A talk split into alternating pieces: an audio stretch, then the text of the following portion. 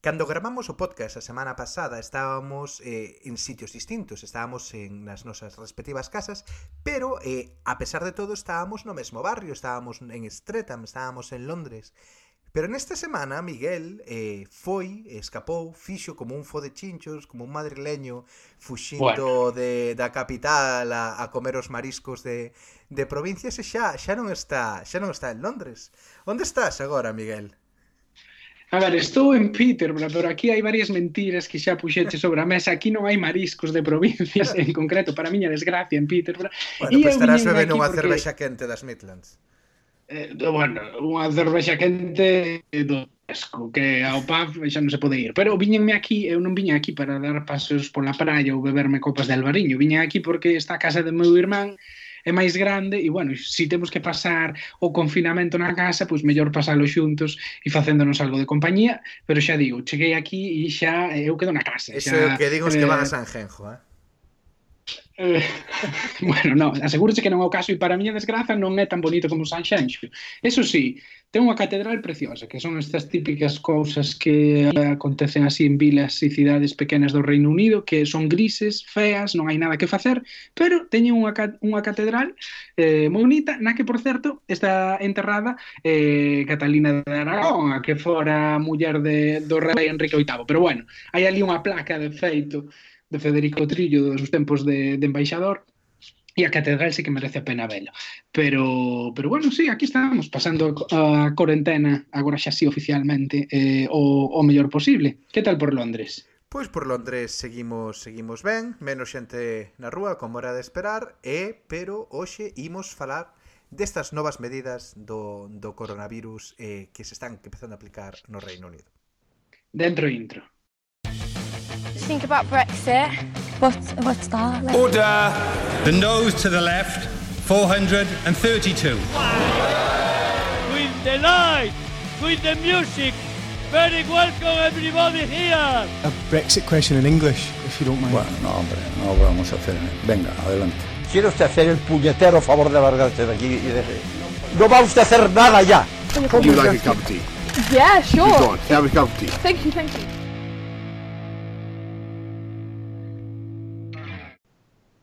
Pois por fin, este luns chegaron as palabras que todos levábamos moito tempo agardando. O primeiro ministro Boris Johnson dirixiuse á nación nunha, nunha mensaxe que parecía pois case de, de estado de guerra, Boris mirando directamente a cámara, cos bandeiras do Reino Unido detrás, non era formato de rolda de prensa, estaba sentado, dirixíase e apelaba directamente a cada un dos cidadáns ou dos habitantes do Reino Unido e eh, entramos oficialmente eh, nunha cuarentena nunha cuarentena global xa non está permitido sair á rúa con normalidade como viña acontecendo ata agora onde só tiñamos unha serie de indicacións para evitar contactos sociais innecesarios pero desde, desde este luns eh, pola noite xa só se pode sair á rúa en certos supostos.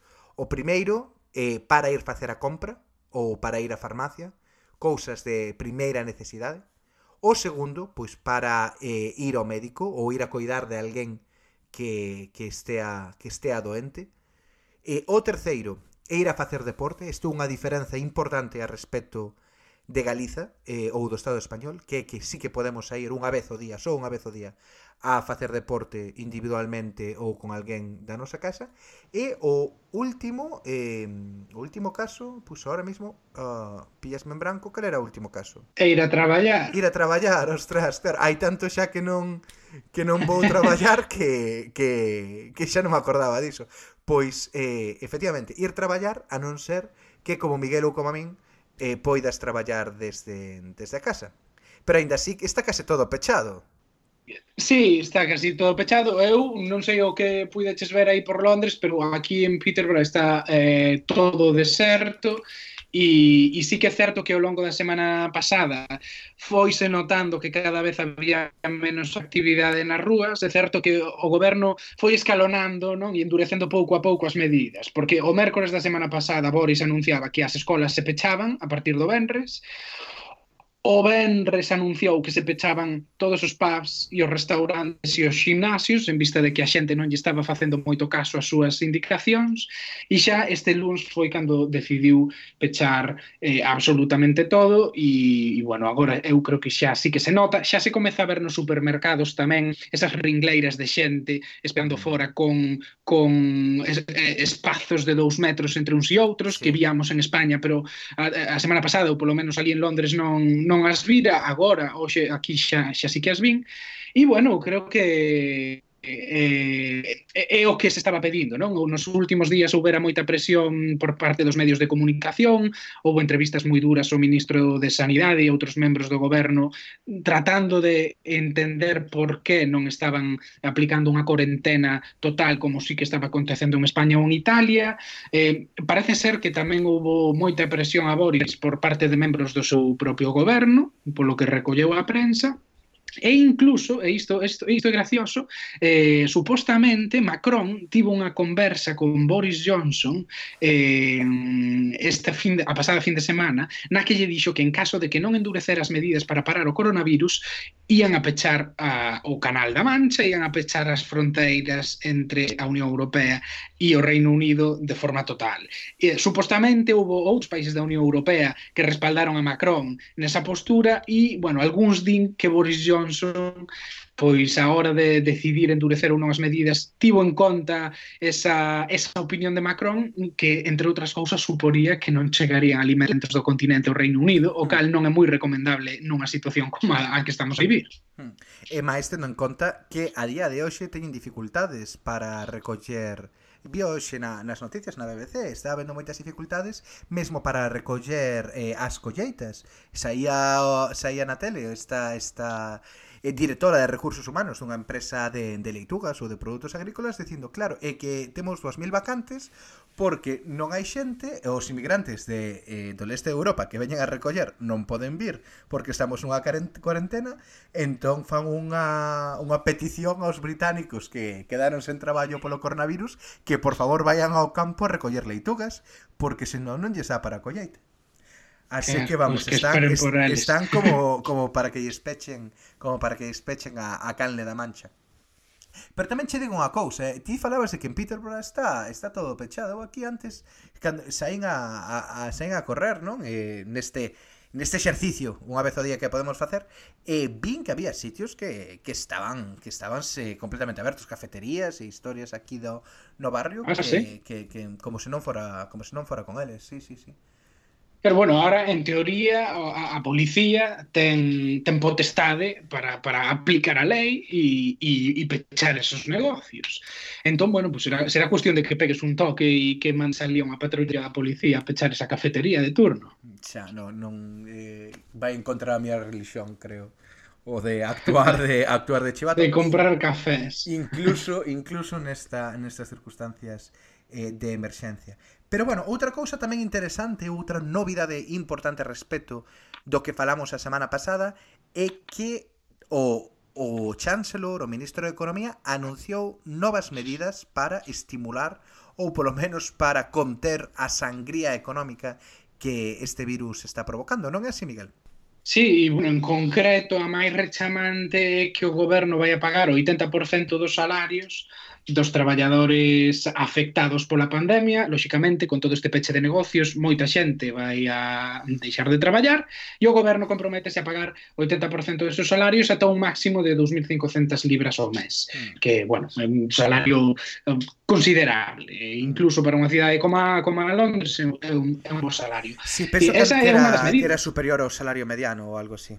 E esa era unha das medidas, pero a mellores eh, tamén se están a falar moito na prensa de que o goberno vai está disposto a entrar eh, a poñer cartos e convertirse en membro do accionariado de, de grandes eh, grupos empresariais como a IAG, que é a, a, o grupo propietario de British Airways, de Aerolínea, de Iberia, Iberia e tamén de Vueling, exacto, e tamén de Vueling, que, pois, como podedes, todos, todos sabedes, eh, non hai vos, por tanto, as aerolíneas teñen serios problemas porque non ingresan nada. Entón, ante o risco de un problema de, de impago de débeda ou de malvenda a outra compañía, o goberno británico eh, está disposto a entrar no accionariado da empresa para manter o control do capital británico e para garantir que despois da crise unha empresa rentable como IAG sigue sendo unha empresa británica.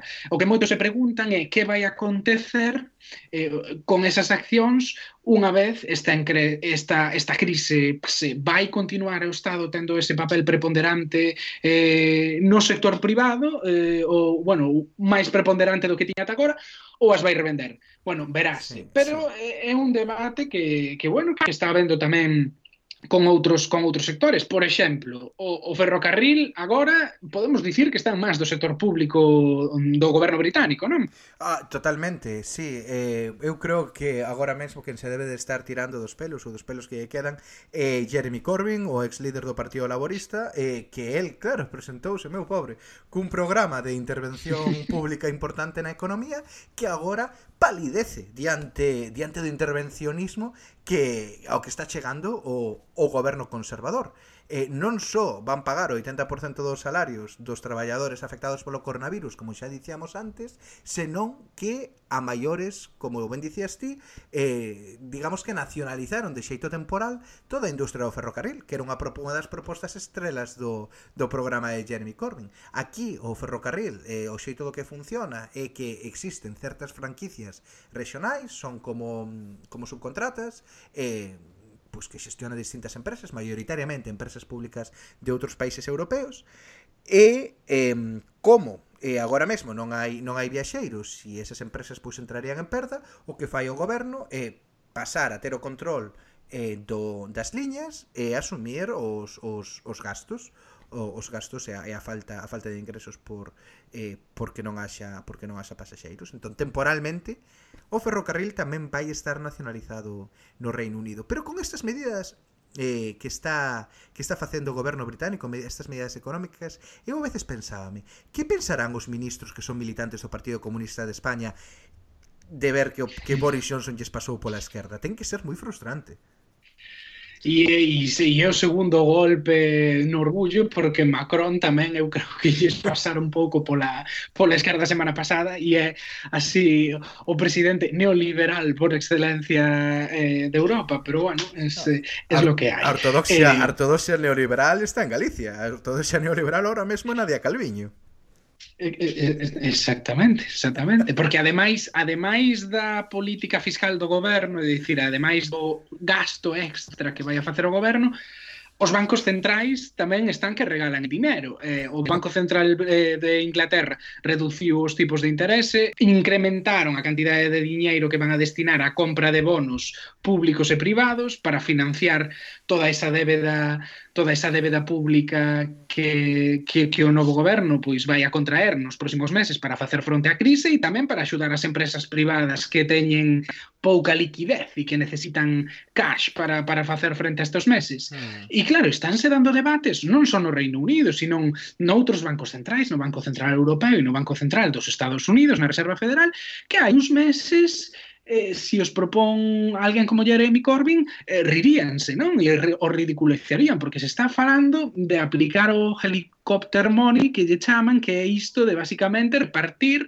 e facer transferencias de cartos ás contas privadas mm, bancarias dos cidadáns para, para que teñan máis cartos e poidan gastar. Cousas de imprimir aí la máquina del dinero que desde a dereita sempre sempre se ridiculizou e que agora todo o mundo eh, abraza, non? Ese, ese artigo do, do comentarista económico do Daily Telegraph que titulaba dicindo Boris Johnson ten que abrazar o socialismo para salvar o libre mercado liberal.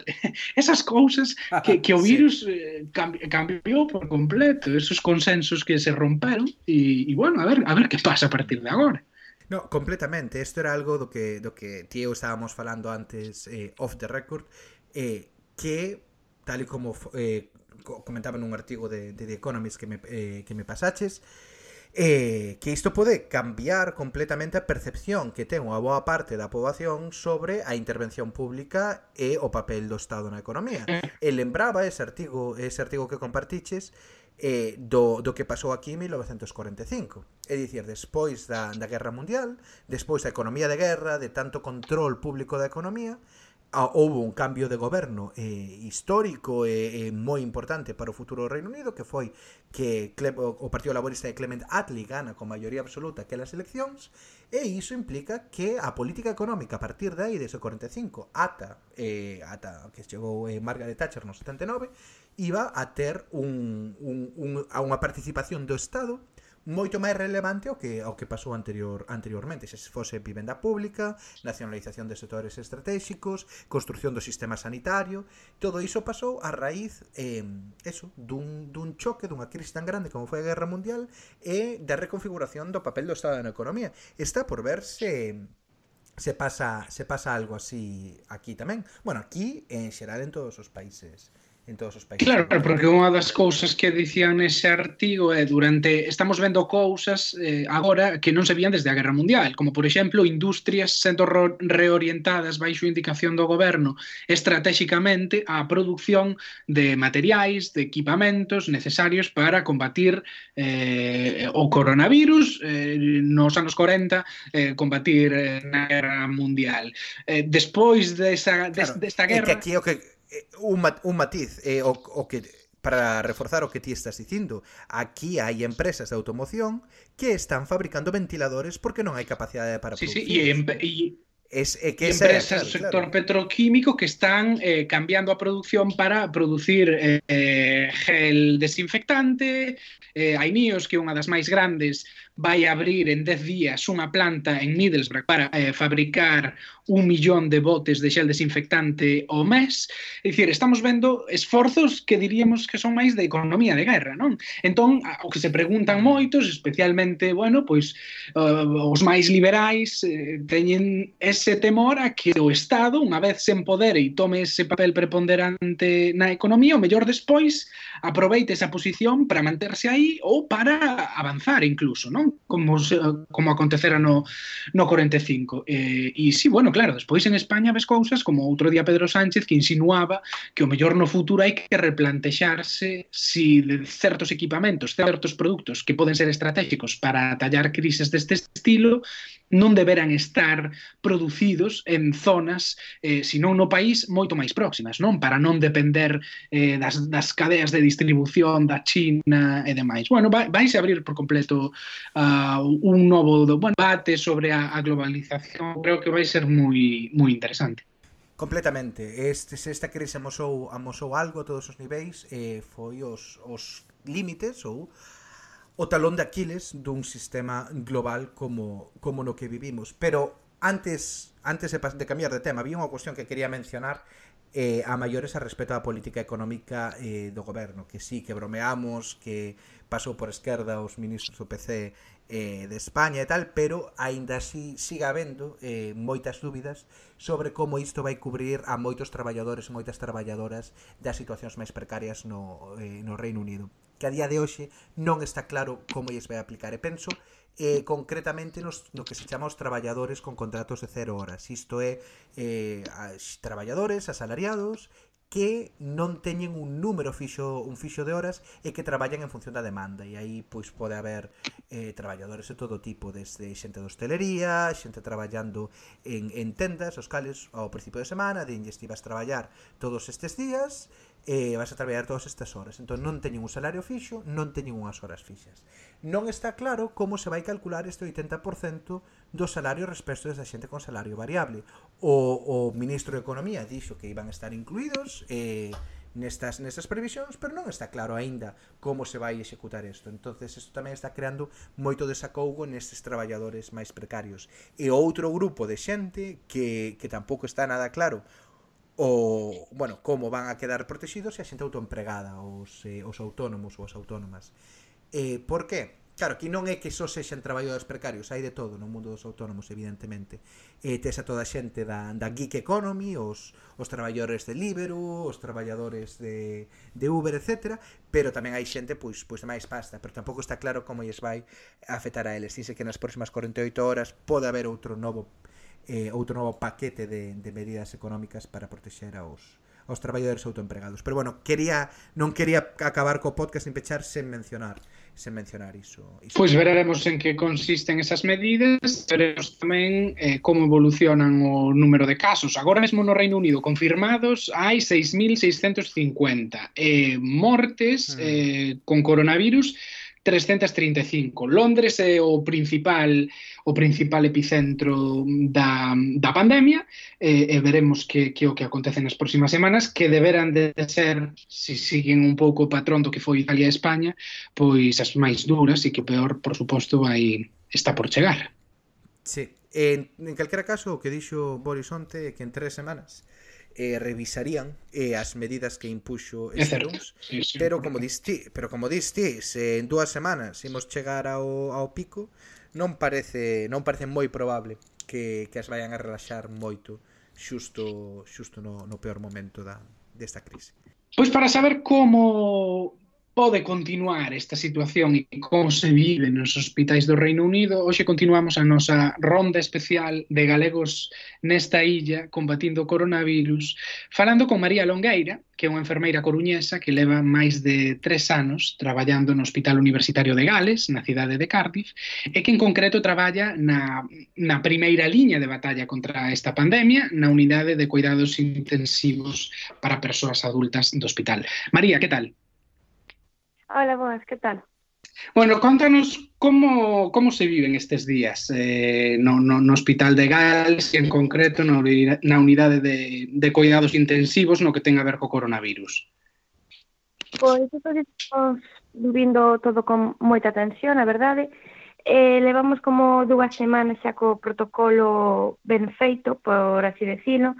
Eh, tardamos bastante en facelo porque tiñamos que agardar por, pola Public Health of England, porque a pesar de que nos estamos en Gales, pois es, agardaron por, eh, por Inglaterra solo para poder telo como todo feito e poder seguir os protocolos. Eh, uh -huh. Nas dúas últimas dúas semanas xa como que poimo, fomos modificando pouquinho a pouco o que é toda a área de UCI. A nosa área consta de como catro áreas pequenas, como de máis ou menos 10 camas cada unha, e des, o que fixemos foi como separar un área para poder meter a todos os que resulten positivos, un área onde vamos metendo os posibles, eh, dependendo do resultado, movémolos para a parte limpia ou a, a sucia de, de COVID-19, por así dicilo. Entón, bueno, de momento que temos é que toda o, o staff está con está nervioso, por así dicilo, sí, porque temos os protocolos que, aínda que foron feitos fai dúas semanas, a xente está recibindo como os trainings no, nestes últimos días, ah, temos escaseza de material de momento, entonces al final acaba indo toda a mesma xente todo o rato porque son os que teñen o material disponible e outra xente ten que quedar como para cuidar como os que todavía están sanos, por así dicilo, que obviamente non están sanos totalmente porque están na UCI, pero os que están eh, libres de infección. Entonces, bueno, a xente está bastante tensa porque todo o mundo ten seres queridos que poden ter problemas de saúde, e sobre todo que non queremos é ter que acabar levando a casa todo o virus con nós. entonces bueno, estamos intentando todavía cambiando o protocolo case cada día, imos recibindo novas, eh, novas distintas, imos cambiando como podemos, eh, así andamos, eh, supoño que isto seguirá sendo así polas próximas semanas tamén. Cantos casos tiveches aí no hospital de Gales que ti saibas? Eh, pois de momento que eu sepa temos catro confirmados pero eh, temos como que levamos con un par deles dende a semana pasada estes dous últimos apareceron nos últimos días. Tamén temos que ter en conta que aquí non se fixo o estado de cuarentena ante ata onte, e os últimos días o que se estaba a recomendar para toda a xente era o social distancing. Eso, bueno, pois temos claro que non funcionou moi ben, porque eh, xa vimos como o número de infectados subiu en Londres como ha subido no resto do país, eh, a xente eu creo que tamén que non está moi concienciada, entonces estamos agardando a que o número siga crecendo durante os próximos días. Unha pregunta, María, cando, cando falas de área limpa e área sucia dentro da unidade de cuidados intensivos, refíreste a un área na cal hai xente, entendo que enferma con outras patoloxías, e outra na que é xente que está afectada polo coronavirus ou, ou son distintos tipos sí, sí. De, de afección? Sí, sí, é o que nos estamos referindo, vale. o sea, no, que, uh, ah, o que tenas, eh, bueno, o que ten os hospitais é que, aínda que nós pensamos que é o sitio máis limpo do mundo, ao, ao fin e ao cabo temos varias infeccións, sempre que son as multiresistentes, que son as que te podes atopar en calquera hospital. Eh, con todas esas o que facemos é levar un equipo de protección individual cada vez que nos acercamos ao paciente. Que claro, isto faise moi ben cando son infeccións que bacterianas. Pero claro, co virus esa, eh, con, especialmente sabendo o contagioso que é este virus, estamos facendo distinto. Estamos eh, como separando o resto dos pacientes limpos, que isto ven a ser pacientes con distintas doencias, como poden ser accidentes de tráfico ou ictus ou problemas neurolóxicos ou respiratorios non relacionados co COVID, metendos todos como nunha, na metade, como nunha esquina da unidade, e o que estamos facendo é que deixando outra esquina da unidade libre para poder recibir estos pacientes e o que hemos feito foi como nunha eh, separar as dúas partes eh, prácticamente tapando con plástico. Mm. Hemos, eh, puxemos un de plástico, un montón de, de cinta adhesiva para poder separar e que non haya ninguna conexión entre as dúas áreas. Eh, outra cousiña, antes mencionaches que levades co, cun, cun protocolo establecido ao redor de, de dúas semanas. Iso non é pouco tempo, tendo en conta que hai xa bastantes meses que se sabe eh, que o coronavirus pois era moi posible que chegase a Europa e tamén ao Reino Unido. Efectivamente, sí. Eh, estou totalmente de acordo contigo. Eh, eu pasei ese, esa preocupación ao, aos meus superiores falando sobre o tema, porque fai como dúas semanas de que tocoume a mí a gran sorte de, de como ingresar o primeiro posible caso que tiñemos aquí en Cardiff, e todo o protocolo, fixe, se isto foi un lunes, o protocolo fixerase o Benres. O sea, con eso, con eso digo che todo. Entonces, a pesar a, a xustificación dos meus superiores foi que ese protocolo tiñamos que esperar por las guías de cuidado que viñan dende Public Health. Pero claro, a pesar de que non sabíamos de que todo isto estaba pasando en China polos, do, polos últimos dous meses e o que está pasando en España e Italia durante as últimas dúas, tres semanas, aquí eu creo que a xente pecou de pensar que isto non, non nos iba a pasar. Eu, por algún motivo que se escapa ao meu entendemento, a xente aquí que teño falado con compañeiros pois británicos, compañeiros de aquí, que pensan que en Reino Unido non vai ser tan malo como en Italia ou en España a pesar de que contamos neste país coa metade da capacidade de camas que teñen en Italia, e refirme as camas de cuidados intensivos. A pesar diso, eh, tiveron que esperar por, por las guidelines, e eh, isto teñen como, a pesar de que nós estamos aquí como nun país diferente, realmente seguimos prestando atención a todo o que va pasando en Inglaterra, porque é como a nosa referencia, é un, é un país con moita máis poboación, e sobre todo tendo a capital de Londres, que todo vai pasando como moito máis a presa. Mm. Entonces, ata que non agardaron por Public Health of England de que tiñan eles feitos os seus guidelines, non o pasaron ata Public Health of Wales. And, and, e entonces xa pasaronos a nós. Pero isto foi un venres, a, col, eh, a miña xefa con, eh, contoume que como modificaron o protocolo durante oito veces durante ese fin de semana, ata que me tocou a min o luns recibir o paciente con ese protocolo xa modificado anteriormente, pero claro, E como foi, a pesar como foi de... ese primeiro paciente con un protocolo que só tiña dous días? Pois mira, estresante. foi moi moi estresante, non, non vou mentir. Foi unha carga mental bastante bastante grande, especialmente porque ata ese momento a xente que tiña recibido o training eran como tres ou, ou dúas persoas na, na unidade. Eu recibín como o training de como poñerme o equipamento de maneira segura, eh, como pode, eh, poden quitalo tamén como a media hora antes de que chegara o paciente, entonces foi todo como feito moi moi a presa, pero eu teño que agradecer moito aos meus compañeiros que tiven ese día porque o traballo de equipo eh, foi o que fixo que sacáramos adiante o, o traballo. Eh, tivemos moito support por parte da, dos compañeiros, eh, que non tivemos por parte dos superiores, e foi moi moi desafiante para todo, tendo en conta sobre todo que ese protocolo faise, pero sen ter en conta como está feito o hospital arquitectónicamente. O, o hospital no que eu traballo foi inaugurado nos anos 70. Podes imaginarte os cambios e a cantidade de, de problemas que nos atopamos todos os días referido a como adaptar a tecnoloxía a este espazo.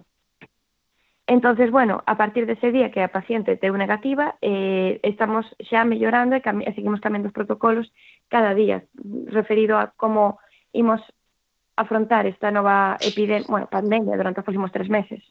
Uh eh, -huh. E comentabas antes que había falta de material, eh, cales son os equipos que, que dos que hai, bueno, eh, falta agora mesmo no hospital? Pois pues agora mesmo que máis necesitamos, eh, non estou bromeando, son mascarillas. Mm. Vale? Porque a diferencia que temos con, con España, porque eu traballei na, na UCI de España tamén, eh, no Hospital da, da Coruña, eh, foi que na, eu o que me din de conta é que na Coruña non estamos facendo o que aquí chamanlle fit mas, eh, fit testing, que basicamente que te proban varias mascarillas na túa cara para ver se realmente encaixa co, coa túa anatomía, probando de que non vai ver eh, ningún de que de que non vai haber ningún leak na, na mascarilla, se me podedes entender ben. Mm. Entonces, sí, ninguna filtración, sí. sí. Entonces, claro, isto vancho facendo e eh, Nos aquí a sorte que temos é que o punto de estar na UCI é que nos fan este test. Na, aquí, por exemplo, neste mesmo hospital, nas plantas, non o fan. Entonces, claro, aquí toda a xente atópase contra pacientes con coronavirus coas eh, mascarillas cirúrxicas, que esas son as que están moi ben para eso, para as operacións, pero non te tapan nin te protexen tamén contra este tipo de pacientes durante un número aumentado de horas. Entonces aquí na UCI o que estamos facendo é que o facer este test moita xente está como fallando nas mascarillas que temos disponibles. Entonces, temos que agardar por unas FFP3 que son bastante, que teñen como una como una un sello, un sello de silicona ao redor da cara, mm. que o que fai é que te fai a, un, un, bueno, que te, que te encaixa ben coa cara, de maneira que non vayas ter ninguna filtración. Con estas mascarillas o que pasa é que levamos pedindo as dúas semanas e non dan chegado. Entonces, nestas dúas semanas, o que está pasando é que os meus compañeiros que sí que poden utilizar as as que se, bueno, as de papel que utilizamos normalmente, que tamén son FFP3, pero que as que as usas de usar e tirar, entonces os mesmos compañeros sempre se están encontrando que son esos que teñen que ir a esta área de coronavirus. E polo que hemos ido lendo nas últimas investigacións, o risco aumenta ante maior carga viral de que estás exposto. Entonces, claro, non é xusto neles tampouco. Entonces é como o maior problema que nos estamos atopando agora mesmo, esperar por todas estas mascarillas.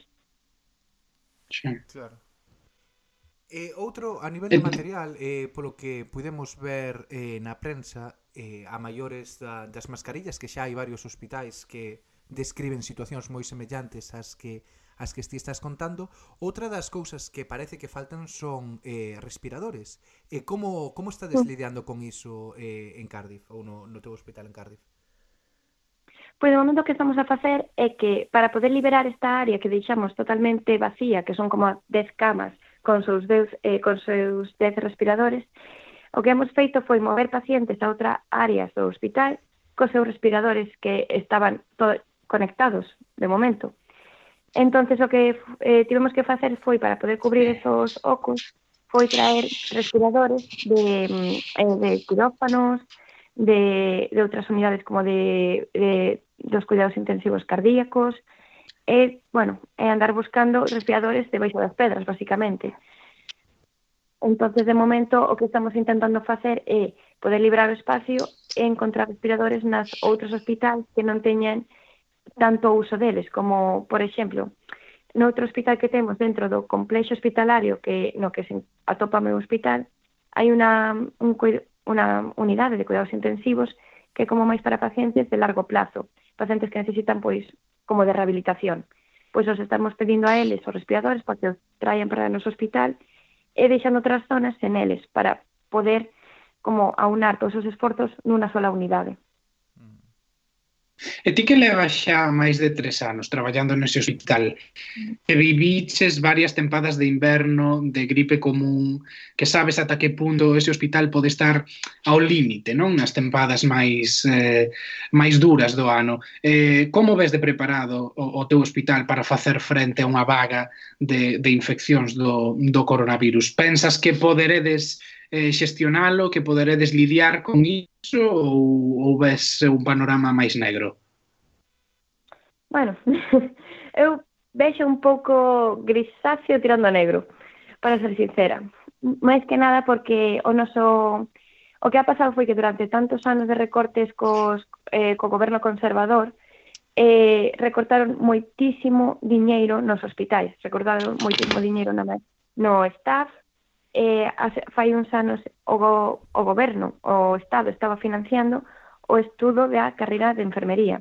Mm. Agora mesmo non están facendo eh, durante, creo que comezou o ano pasado que deixaron de financialo. E claro, o que está facendo é que moita máis xente está deixando de estudar enfermería, co que estás atopándote con, men con menos staff que pode cuidar de estos pacientes. Entonces, agora, por exemplo, este ano que van facer é que todas as estudantes de enfermería que estén que teñan que rematar este ano a carreira vanlle, eh, vanlle facer a graduación tres meses antes para que podan comezar a traballar no hospital. Con eso nos estamos atopando con problemas eh, desos. Outro problema é que temos noso hospital cubre unha poboación de 400.000 personas. Temos 40 camas de UCI.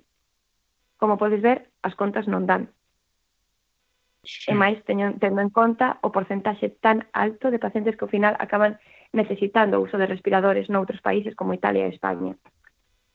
Eh, tamén nos estamos dando de conta que a pesar de que hemos pasado de outras oleadas, bueno, outras vagas de, de gripe nos anos anteriores, podes ver o como pode acabar de resultar de ser dañino para os, para os doentes aquí, pero nunca hemos tenido que aturar como tanta carga de tanta xente mal ao mesmo tempo que era o que ven se dicindo estes días nas redes sobre aplanar a curva.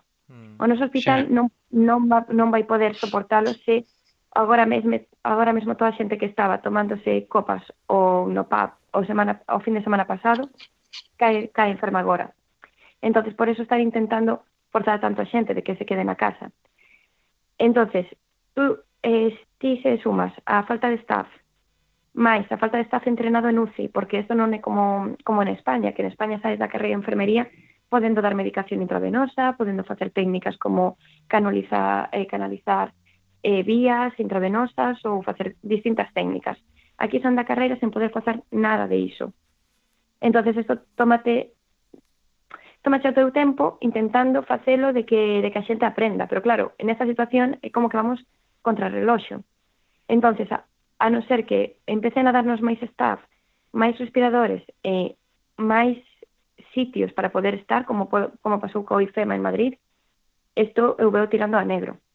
entonces por eso, nos, o, todos os, os traballadores españoles da miña unidade, que somos como oito ou dez, levamos tempo intentando concienciar aos nosos compañeros de quedade na casa. Isto vai ser moi, moi, moi forte para todos e non vamos a poder manexalo.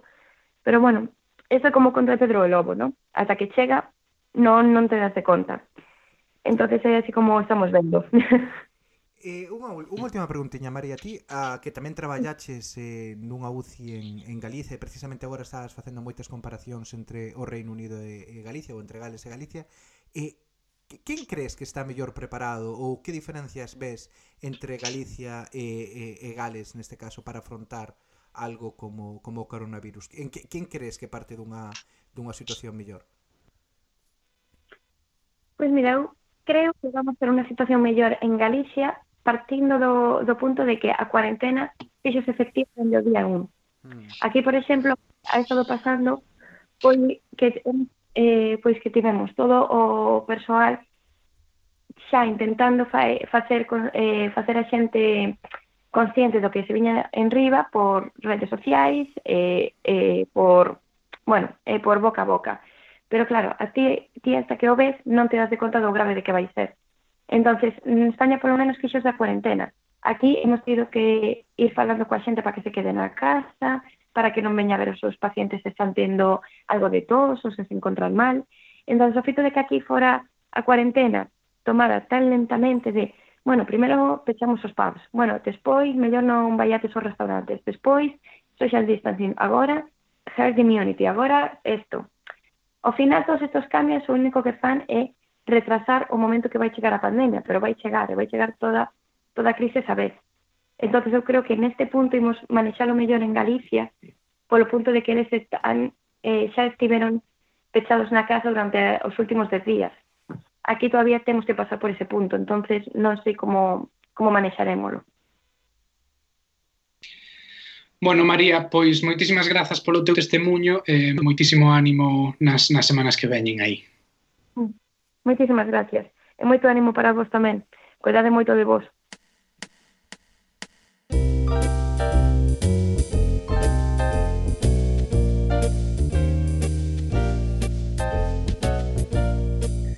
Pois co testemunho de María nos quedamos. Eh, sabemos que aos suscriptores eh, vos debemos un tesengotas Pero bueno, por esta circunstancia especial do coronavirus entendemos que eh, bueno, por, por interese público pois eh, está ben facer en aberto estos podcast para dar a coñecer cal é a situación no Reino Unido e cales son as normas que, que debemos respetar e tamén para dar a coñecer o caso de moitos galegos que están na primeira liña de, de batalla contra contra este virus eh, máis alá da, de Galicia, máis alá das fronteiras tamén do, do Estado español.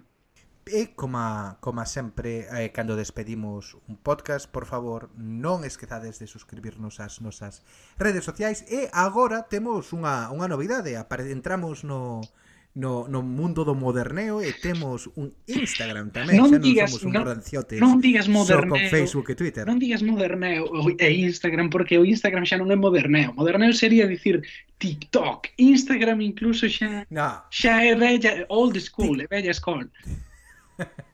TikTok é para, para os chavales, eso é para os para os que teñen menos de 17 anos e sabemos que en Galiza non hai ninguén nesa franxa de idade. Así que ese xa nin siquiera son non son ao noso público obxectivo, non existen galegos desa nesa franxa de idade. Así que sí, Instagram é o máis moderno que hai. Así que aí estamos nós tamén eh, instagram.com barra con gotas ou buscádenos eh, na app E, como sempre, suscribides ao newsletter e suscribidesnos eh, ao noso Patreon, que é grazas ao que nos financiamos e gracias ao que mantemos este podcast todas as semanas. Eh, un saúdo e falamos a semana. Até a próxima.